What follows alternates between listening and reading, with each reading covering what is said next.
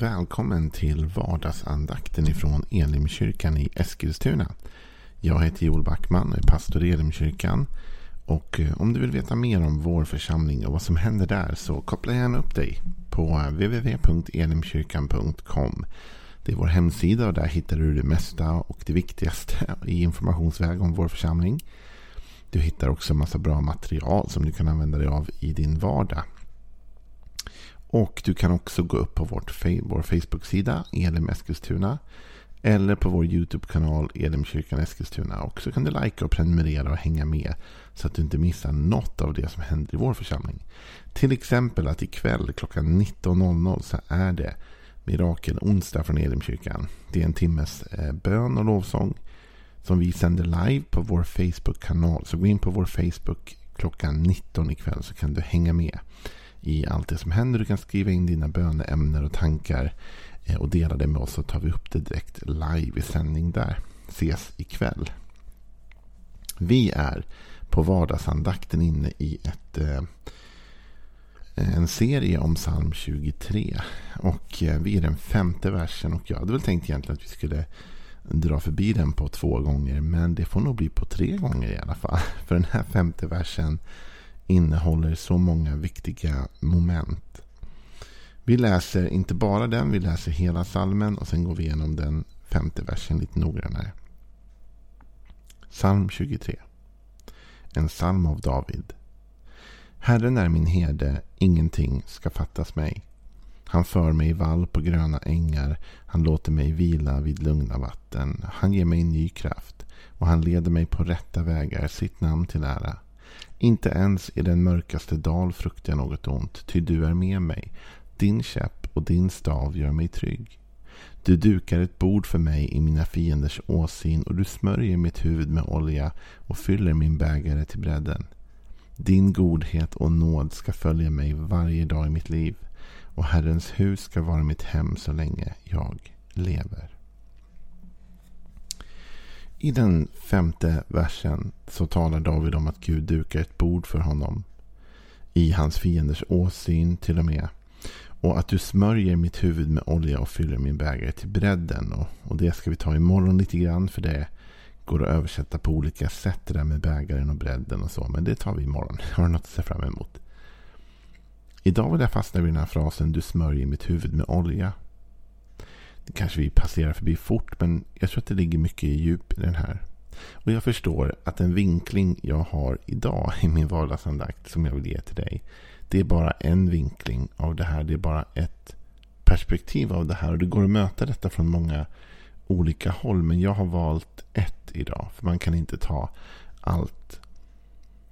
Oljan är ju en symbol för anden i Bibeln. Den helige ande. Och ofta när vi talar om det här idag i, utifrån ett nya testamentligt perspektiv så, så tänker vi på att Gud har gett oss andliga gåvor, att Gud har gett oss förmågor, att Gud låter den helige ande komma till oss och bo hos oss och allt det där. Det är ju det som blir vårt perspektiv. Gud smörjer mig med den helige ande. Han ger mig av sin kraft, och sin förmåga, och sitt liv in i mitt liv. Men i Davids tid så var det lite, lite annorlunda. Vi lever i det gamla testamentet här när David skriver. Och det är fortfarande så att oljan är en symbol för anden. I allra högsta grad är det så. Gud som bekläder med kraft. Gud som bekläder med förmåga. Men andens roll i gamla testamentet skiljer sig ju en del ifrån det nya. För vi lever ju i pingstens tid efter pingstdagen då anden blev utgjuten. Det som Joel i sin bok profeterar om. Att det ska komma en tid då Gud utgjuter sin ande över allt kött. Eh, och det är den tiden vi lever i. Men det var inte den tiden David levde i. Utan på den tiden David levde så var inte Guds ande utgjuten över allt kött. Utan Guds ande var utgjuten över vissa personer och vissa miljöer. Eh, och David var ju en av dem som Guds ande var utgjuten över. I Gamla Testamentet så göts anden över personer för särskild tjänst. Det handlade om, det handlade om kungar och profeter och och eh, präster. Det var de som främst smordes till tjänst. Och David, han är ju kung över Israel, blir han ju smord till. Men då tänker jag så här. Att när David i sin berättelse talar om att Gud dukar ett bord för honom och smörjer hans huvud med olja. Så innebär ju det egentligen att David säger att den här platsen i mitt liv som jag har kommit till. Att jag är kung. Det är någonting som du har gett mig Gud. Det är du som har smort mig till kung. Det är inte jag själv som har tjänat denna plats eller position. Utan Gud, det är någonting som du har gett mig. Du utrustade mig. Du gav mig ett ämbete, en tjänst. Och du vet, jag tror det är viktigt för David. David är en, en ung tonårsherde när Gud hittar honom och Gud för honom till att bli kung över hela Israel. Och det är oväntat. Det är inte den person man tänker ska bli kung över Israel. Eh, och David han kunde ju liksom själv ha försökt här lyfta fram liksom att ja, men det var minsann jag som sänkte Goliat. Eller det var jag som, som vågade gå upp mot jätten. Eller det var jag som vad han nu skulle ha haft för skäl till varför just han borde bli kung. Men istället säger han Du smörjer mitt huvud med olja. Med andra ord så säger David, och det här är lite den poäng jag vill få ge till dig idag den här dagen. Den vinkling just jag vill få dela med dig. David säger allt det jag är, är jag för att du har gjort mig till det. Allt det jag är, är jag på grund av att du har gjort mig till det. Du smorde mitt huvud. När du dukade mitt, mitt bord, Gud. När du satte ut saker där för mig att äta, att leva av. När du försörjde för mig och för mitt liv och för mina behov. Då formade du också mig. Och du skapade liksom min uppgift och min roll i livet. Du gav mig en plats. Du gjorde mig till kung. Du utvalde mig när jag var ingenting och du gjorde mig till kung över Israel. Och du och jag, vi kan möta det i vårt liv. Vi kan tänka så här, Gud, liksom, allt det jag är har du gjort mig till. Det som, det som är dukat på mitt bord, liksom, den jag blev. Det, det jag gör med mitt liv och de gåvor jag har i mitt liv och, och den uppgift jag kan känna att jag har i världen och bidrar med.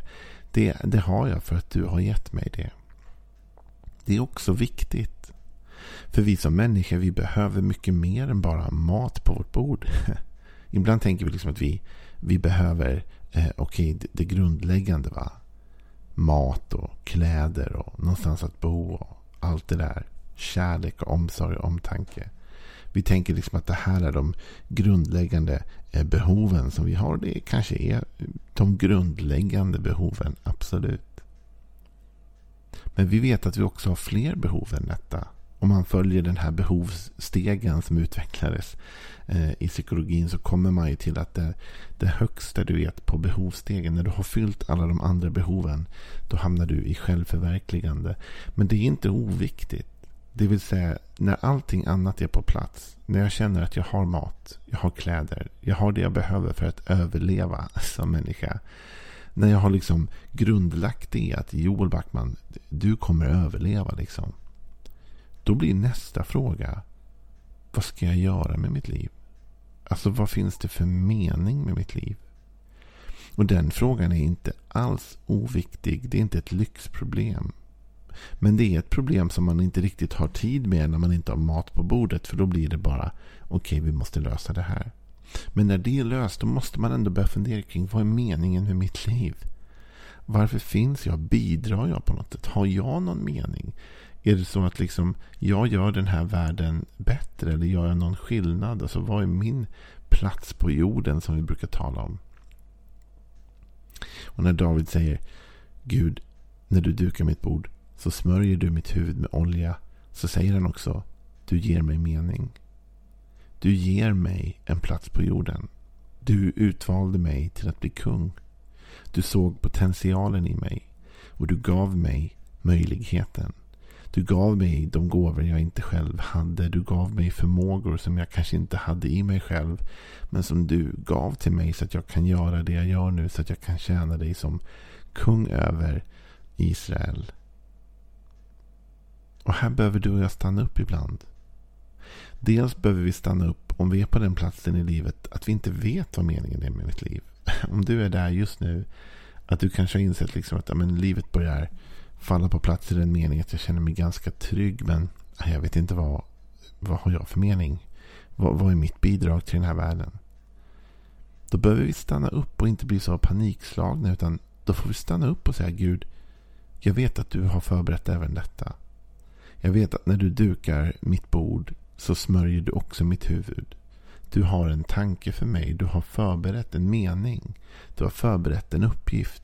Du har förberett en plats för mig på jorden. Och om vi är så att vi har kommit liksom vidare där. Att vi känner att jag har hittat en uppgift. Eller jag har hittat min plats. Jag har hittat att det här är i alla fall för stunden och för nu. Den jag ska vara och det jag ska göra. Och jag känner att jag bidrar. Och jag känner att jag har en mening. Då behöver vi stanna upp och säga tack Gud för att du smorde mitt huvud.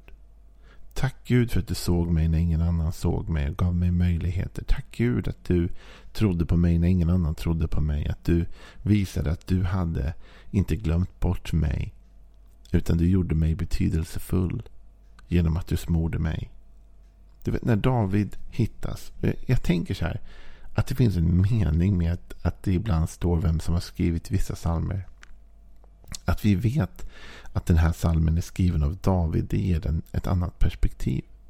För vi vet ju lite om hans liv och då förstår vi en del. Du vet när Gud hittar David så är han en tonårsgrabb som ingen tror på. För profeten kommer hem till Davids pappa och han har fått till sig av Gud liksom att, att i den mannens hus där, där finns nästa kung för Israel. Åk ner och, och, och smörj honom med olja. Men när han kommer ner dit så radar han upp alla grabbarna. va. Och den ena efter den andra är ståtlig och stark. Och, och, och liksom, det här skulle kunna vara konungamaterial. Men den helige ande säger hela tiden till profeten. Nej, nej, inte den personen. Inte den personen. Inte den. Och till slut har de betat av alla sönerna och profeten säger, men, men är det här alla söner? Har du ingen mer? Och vi kan faktiskt läsa om det ifrån den första Samuelsboken och det sextonde kapitlet. Samuel sa, Herren har inte utvalt någon av dessa. Det är den tionde versen vi läser nu in i den elfte. Sen frågade han, är detta alla dina söner? Nej, svarade Jishaj, den yngste är kvar, men han är ute och vallar fåren. Då sa Samuel, skicka efter honom. Vi går inte vår väg förrän han har kommit. Jishaj lät hämta honom. Han var ljus och ståtlig och hade vackra ögon. Och Herren sa, han är det, honom ska du smörja. Samuel tog då oljehornet och smorde honom mitt ibland hans bröder. Och Herrens ande föll över David och var sedan alltid med honom. Och därefter vände Samuel tillbaka till Rama. Du förstår, ingen tror på David. Hans bröder tror inte på honom. Hans pappa tror inte på honom. Hans familj, liksom, det här är den sista vi tror på här. Men vad är det Gud säger till Samuel, till profeten? Han säger, honom är det. Honom ska du smörja. Du vet, Gud smörjer, Gud utväljer vem han vill. Och när Gud gör det finns det ingen som kan hindra honom. Eller stoppa honom. Eller säga ursäkta vad gör du? Varför väljer du den? Vem ska säga till Gud vad gör du? Och ibland får vi så dåligt självförtroende och dålig självbild. Och vi tänker vem är jag att det eller det. Men du måste förstå om Gud har utvalt dig. Kan ingen säga till dig att du inte har rätt till detta. Ingen kan säga det här är inte din plats. Det här är inte din uppgift. Det här är inte din roll. Ursäkta, Gud har smort mig. Han har gett mig en plats. Han har gett mig en uppgift. Han har gett mig en roll att spela i livet. Så vad jag vill ha sagt till dig den här dagen. Jag vill säga att Gud smörjer ditt huvud. Det innebär i Davids fall att han tog en liten tonårsherdepojke som ingen trodde på. Och smorde honom med Guds kraft och förmåga. Och gav honom möjligheten och vägen att bli kung över Israel. På samma sätt utväljer Gud dig och mig. Trots att vi är svaga och bristfälliga och inte alltid räcker till så ser Gud något i oss och han utväljer oss och han smörjer oss. Hans dukade bord för oss innebär även detta att vårt behov av en mening fylls och ett syfte fylls och en uppgift fylls. Låt oss be Gud om detta idag och låt oss tacka honom för det. Så kommer vi då ha en helt fantastisk onska, onsdag och en helt fantastisk vecka. Hörru, ha det gott så ses vi ikväll 19.00 live. Hej då.